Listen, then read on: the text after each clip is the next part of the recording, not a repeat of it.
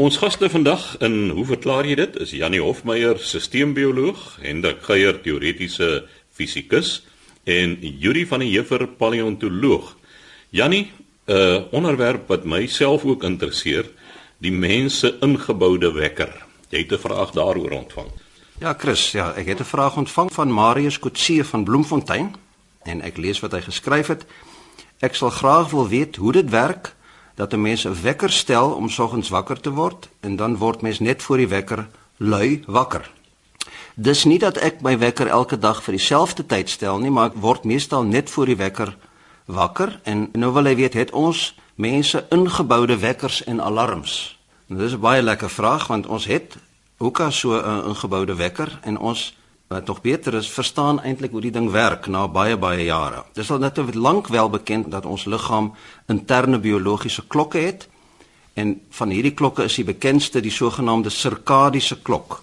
En die het 'n periode van om en by 24 uur en hierdie klok is die ene wat ons wakker en slaapsiklus beheer. So die sirkadiese klok is mens kan dit noem die liggaam se tydhouer. En ek wil graag 'n bietjie verduidelik hoe hierdie klok werk en dit dan in verband bring met die vraag wat Marius gevra het.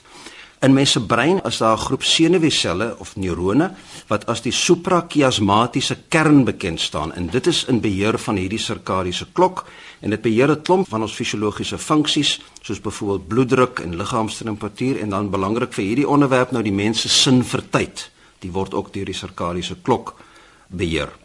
En 'n kernkenmerk van hierdie suprachiasmatiese kern is dat dit hou van voorspelbaarheid en rotine. So as mens nou elke aand op dieselfde tyd gaan slaap en op dieselfde tyd weer wakker word, dan lê mens se liggaam hierdie gedrag vas in 'n patroon. So wat ek nou 'n bietjie oor wil gesels is hoe hierdie sirkadiese klok werk. In ander woorde, wat beheer nou hierdie wakker en slaap siklus van ons? En natuurlik dit is 'n molekulêre meganisme wat betrokke is en ons weet nou al vir 'n geruime tyd dat daar 'n proteïen is wat in alle selle voorkom met die naam van period, die Engelse term period of soms net afgekort as per en ek sal dit ook nou maar net per noem en dit beheer hierdie siklus. So per kom nou in alle selle voor en die aantal per molekule in 'n sel die styg nou en val gedurende elke 24 uur siklus. En ons selle gebruik die vlak van per nou as 'n indikator van tyd en sê vir ons liggaam wanneer om te slaap en wanneer om wakker te word. Nou soos baie van hierdie beheermeganismes is daar 'n klomp verskillende komponente betrokke. Dit is 'n geweldige komplekse stelsel. Hierdie sogenaamde molekulêre netwerk waarin per nou sy rol speel, maar ons weet 'n paar sleutel feite omtrent hierdie reguleringsstelsel. Ons weet dat per die stygings van per vlakke gedurende die dag aangedryf word deur twee ander proteïene met die naam van klok Dit kan mens eintlik verstaan, maar die ander naam is nou weet tipies een of ander laboratorium wat nie baie kreatief was nie. Die ding se naam is B-mal1. So baie van hierdie proteïene het afgekorte name wat eintlik baie moeilik is om te verstaan waar die naam vandaan kom. Maar die twee proteïene is dan betrokke by hierdie pervlakke. Soos wat per nou styg en sy maksimum in die aand bereik, dan skakel dit op een of ander manier die werking van hierdie twee proteïene af. So gedurende die dag dryf die proteïene die stygings in die vlak van per aan en dan op een of ander manier is daar nou 'n terugvoermeganisme in die nag wat maak dat die hoë vlak van per nou die werking van hierdie ander twee proteïene afskakel en dan val die vlak van per vinnig en dis jy hoe kan dan wat mens begin vaak raak. So 'n lae vlak van per die vertraag ons biologiese prosesse, ons bloeddruk val, ons harte klop stadiger en ons raak vaak. Maar die interessante nou is sodra so omtrent so 'n uur voordat mens nou weer veronderstel is om wakker te word, dan begin per styg en die liggaam stel dan 'n hele groep van streshormone soos kortisol byvoorbeeld vry. En dan soos wat hierdie proses nou aangaan, slaap mens nou stelselmatig al hoe ligter en ligter totdat mens wakker word. So dit lyk asof hierdie antisipasie van die tyd wat mens wakker wil word, die sneller blyk te wees vir die afskeiding van hormone wat normaalweg afgeskei word wanneer die liggaam in stres verkeer. Dit het gebeur so wat 'n uur voordat mens beplan om uit die bed te klim dan berei hy die hormonale afskeidingsmees voor vir die stres van wakker word want dit is blykbaar 'n stresvolle proses om wakker te word. En dit is interessant, daar's baie goeie wetenskaplike getuienis hiervoor. Nou was 'n eksperiment wat gedoen was deur 'n groep van navorsers aan die Universiteit van Lübeck in Duitsland. En hulle het 15 vrywilligers vir 3 aande in 'n laboratorium laat slaap. In een nag sê hulle toe vir een groep, hulle gaan die volgende oggend 6 uur wakker gemaak word Vir die ander lot sê hulle toe hulle gaan om 9 uur wakker gemaak word, maar hulle lieg toe vir die lot. Hulle sê hulle maak toe almal van hulle om 6 uur wakker. En wat hulle toe sien is baie treffende resultate. Die wat geweet het dat hulle sê sy gaan wakker word, het al om 05:30 begin om hormone te produseer, hierdie streshormone soos kortisol. Die ander lot se liggaam het niks gedoen nie en hulle het wakker geword om 6uur sonder daai voorbereiding van die hormonale afskeidings en hulle het heelwat meer deur die blare wakker geword. So daar's nou goeie wetenskaplike getuienis dat ons liggaam weet wanneer ons veronderstel is om wakker te word en ons liggaam het daarvoor voorberei. Lyk dit asof ons liggaam 'n nota maak van wanneer ons die dag wil begin en berei ons dan so stelselmatig voor vir ontwaking.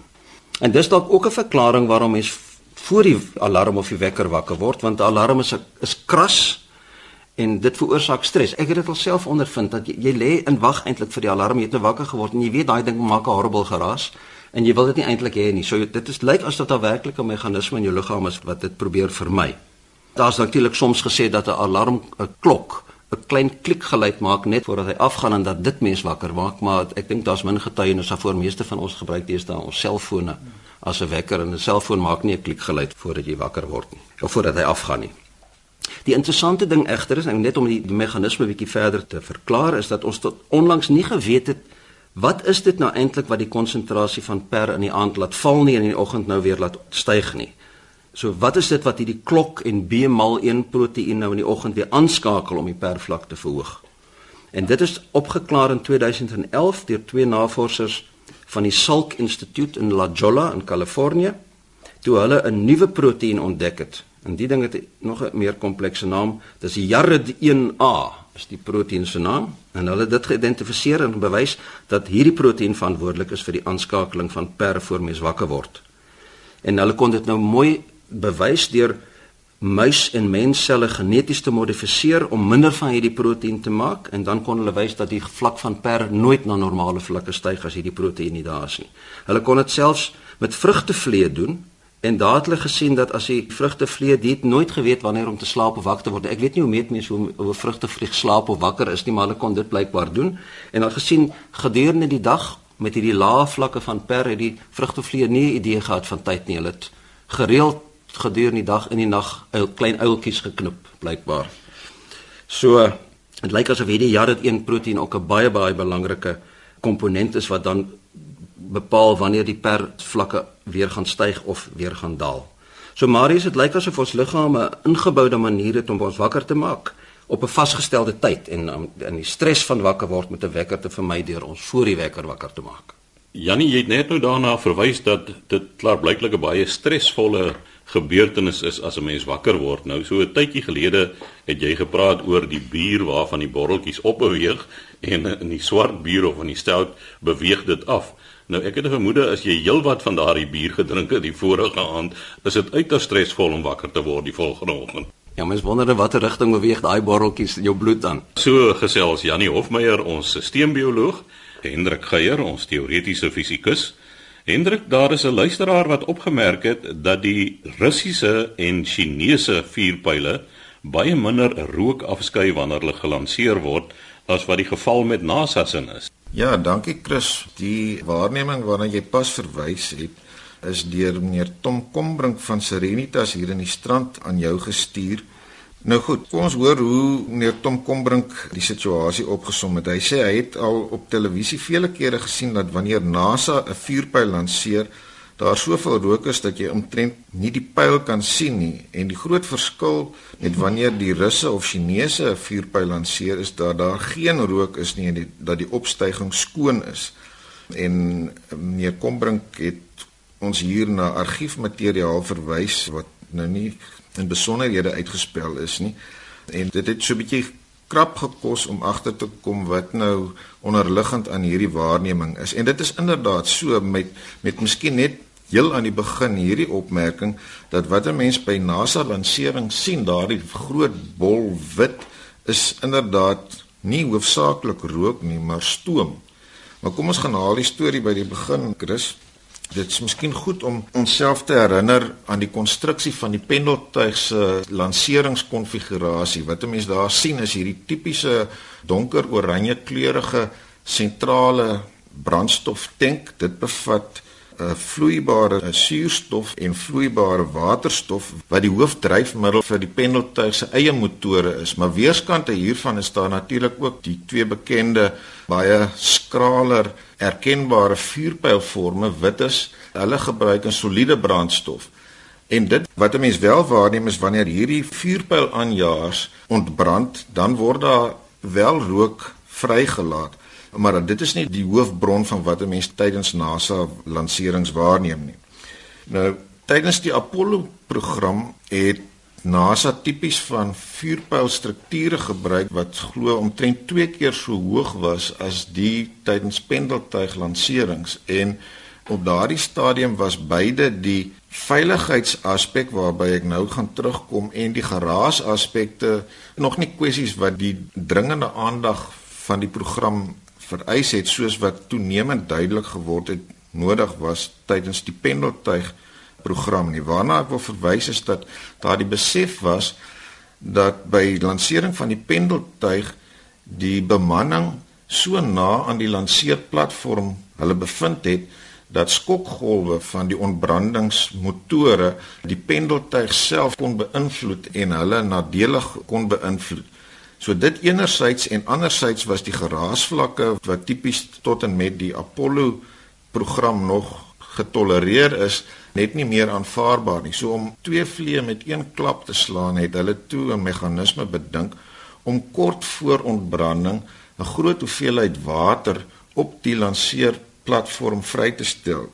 Daardie sogenaamde klankdempstelsel slaag daarin om binne 'n kwessie van omtrent 40 sekondes meer as 'n miljoen liter water vry te laat. So wat 'n mens dan uiteindelik sien is tydens lansering sien 'n mens dan heel aan die begin dat die pendeltuig se eie motore omtrent so 6 sekondes voor die vuurpyl aanjaer motore aangeskakel word en op daardie stadium sien 'n mens eintlik geen tipiese uitlaat gas of rook wat vorm nie omdat 'n vloeibare brandstof gebruik word. Wanneer die vuurpyl aanjaars aangeskakel word na 6 sekondes dan produseer hulle inderdaad 'n bietjie rook, maar dit is dan in daardie proses van opstyging waar die water blootgestel word aan al hierdie vuurpylmotore en daardie groot hoeveelheid water omtrent soos ek gesê het 'n bietjie meer as 'n miljoen liter water feitelik onmiddellik verdamp En dit is wat 'n mens dan uiteindelik as stoom waarneem en wat hierdie geweldige groot wit wolk veroorsaak waarin 'n tipiese pendeltuig lansering waargeneem word. Nou in teenstelling hiermee, ek kon nie agterkom terloops wat die toedrag van sake met die Chinese program is nie, maar die Russiese program gebruik suiwer vloeistof aandryfmiddels. So hulle het nommer 1 nie soliede vuurpyl aandrywers nie en dienooreenkomstig word daar ook nie rook geproduseer nie en 'n mens sou met al hierdie gegevens moes aflei dat dit vir hulle ook nie so 'n groot oorweging was om nommer 1 die klank te demp en dat hulle ook oortuig genoeg was van die veiligheid van hulle bemanning uh, sodat dit ook nie 'n verdere dempingsmeganisme wat hulle betref benodig het nie.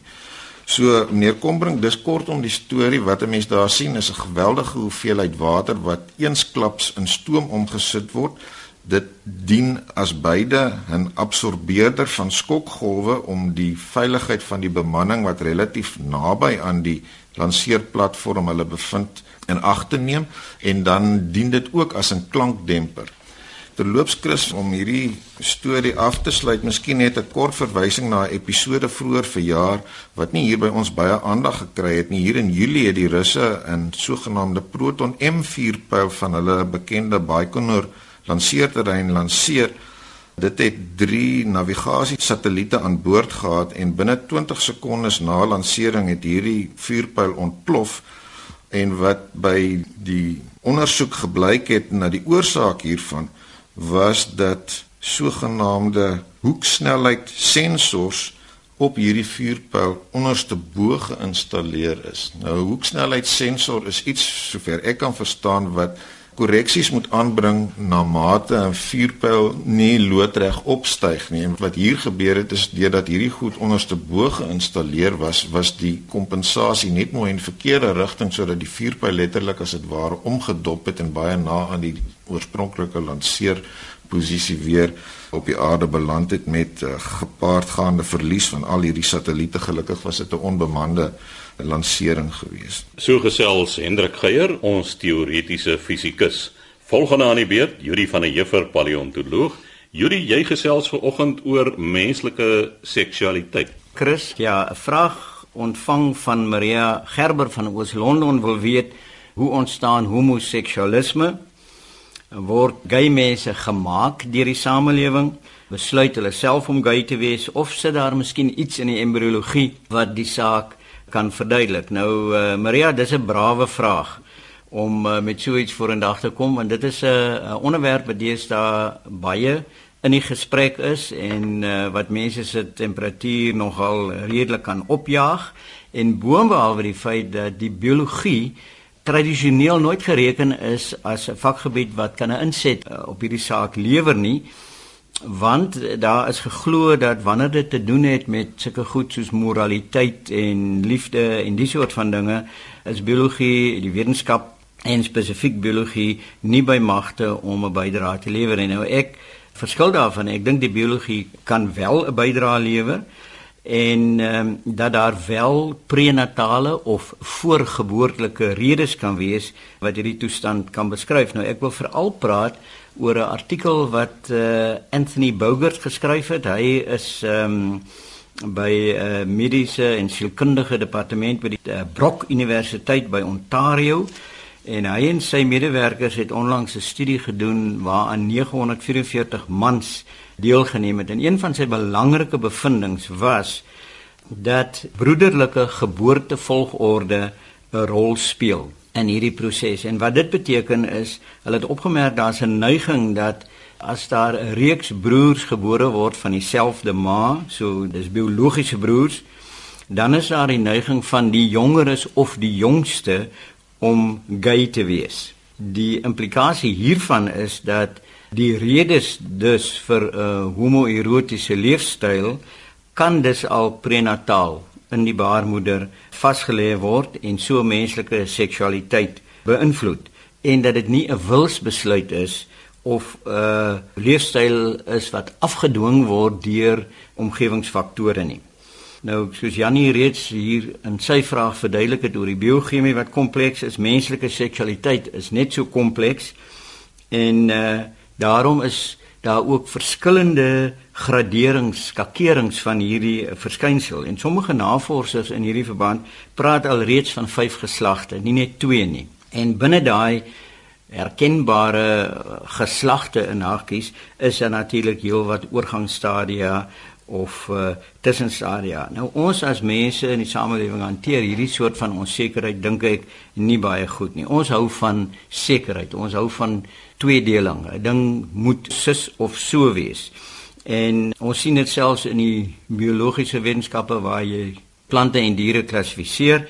As mens nou sê maar 'n boek neem oor die bome van Suid-Afrika en jy wil 'n spesifieke boom identifiseer, dan gebruik jy die sleutel en dan gee hulle vir sulke terme soos blaarrand glad of blaarrand getand.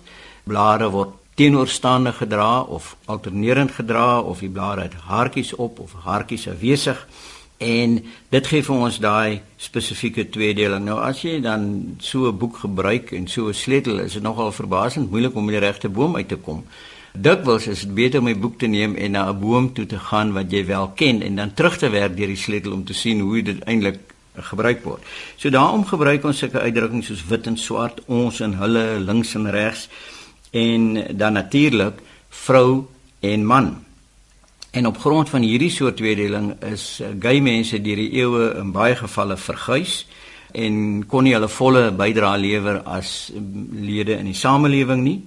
So wanneer ons nou na die werk van Boubert kyk, moet mense sê dat die genetika en ander prenatale aspekte speel wel 'n rol, maar wat hy gevind het in sy navorsing is dat ouer broers biologiese ouer broers, selfs ouer broers wat nie saam met 'n spesifieke individu bly nie waar 'n familie nou versplinter het, is bepalend vir die seksualiteit van die jonger broertjie. En dat nie biologiese broers, met ander woorde stiefbroers en die soort van goed, het geen invloed op die seksualiteit van die spesifieke individu nie. So dit suggereer duidelik dat daar moet 'n prenatale meganisme wees wat hierdie goed affekteer of selfs beheer. En uh, dit het natuurlik iets te sê ook vir gay mense wat babas aanneem.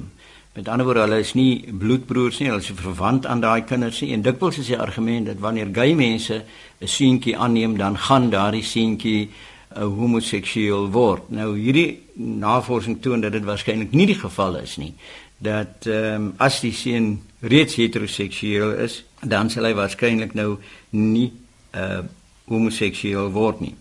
Daar's ook gevind dat as 'n mens kyk na die sosio-seksuele omgewing, die postnatale omgewing, as dit belangrik sou wees in die seksuele neigings van die persoon, dan behoort die ouer biologiese broers wat nie saamlewe nie, nie invloed hê nie.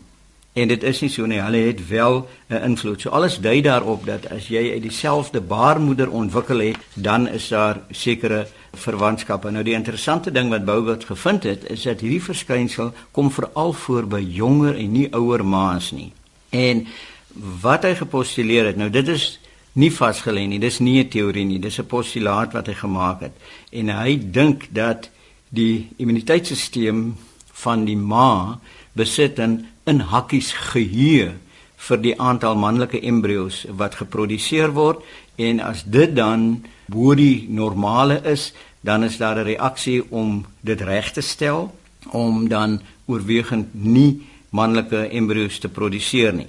Nou dit klink nogal interessant. Ons weet byvoorbeeld dat na verwoestende oorloë waar die manlike populasie en veral die jong manlike populasie van 'n nasie feitelik uitgewis kan wees, vind daar outomatiese regstelling in die voortplanting plaas sodat vrouens meer seuns begin baar. So dit is waarskynlik moontlik dat daar so 'n situasie kan gebeur en wat hy dus voorstel is dat dit slegs die aantal biologiese ouer broers is wat die seksuele oriëntasie van 'n persoon kan voorspel. So die implikasie is dus dat ons menslike seksuele oriëntasie eintlik behoort te herdink in die lig van die regte en voorregte van mense as ook die dikwels gefeinste morele oordeel wat ons oor in hakkies die ander uitspreek. En so sê Yuri van der Heever, ons paleontoloog, is welkom om te skryf aan hoe verklaar jy dit? Posbus 2551 Kaapstad 8000 of 'n e-pos te stuur aan chris@rsg.co.za.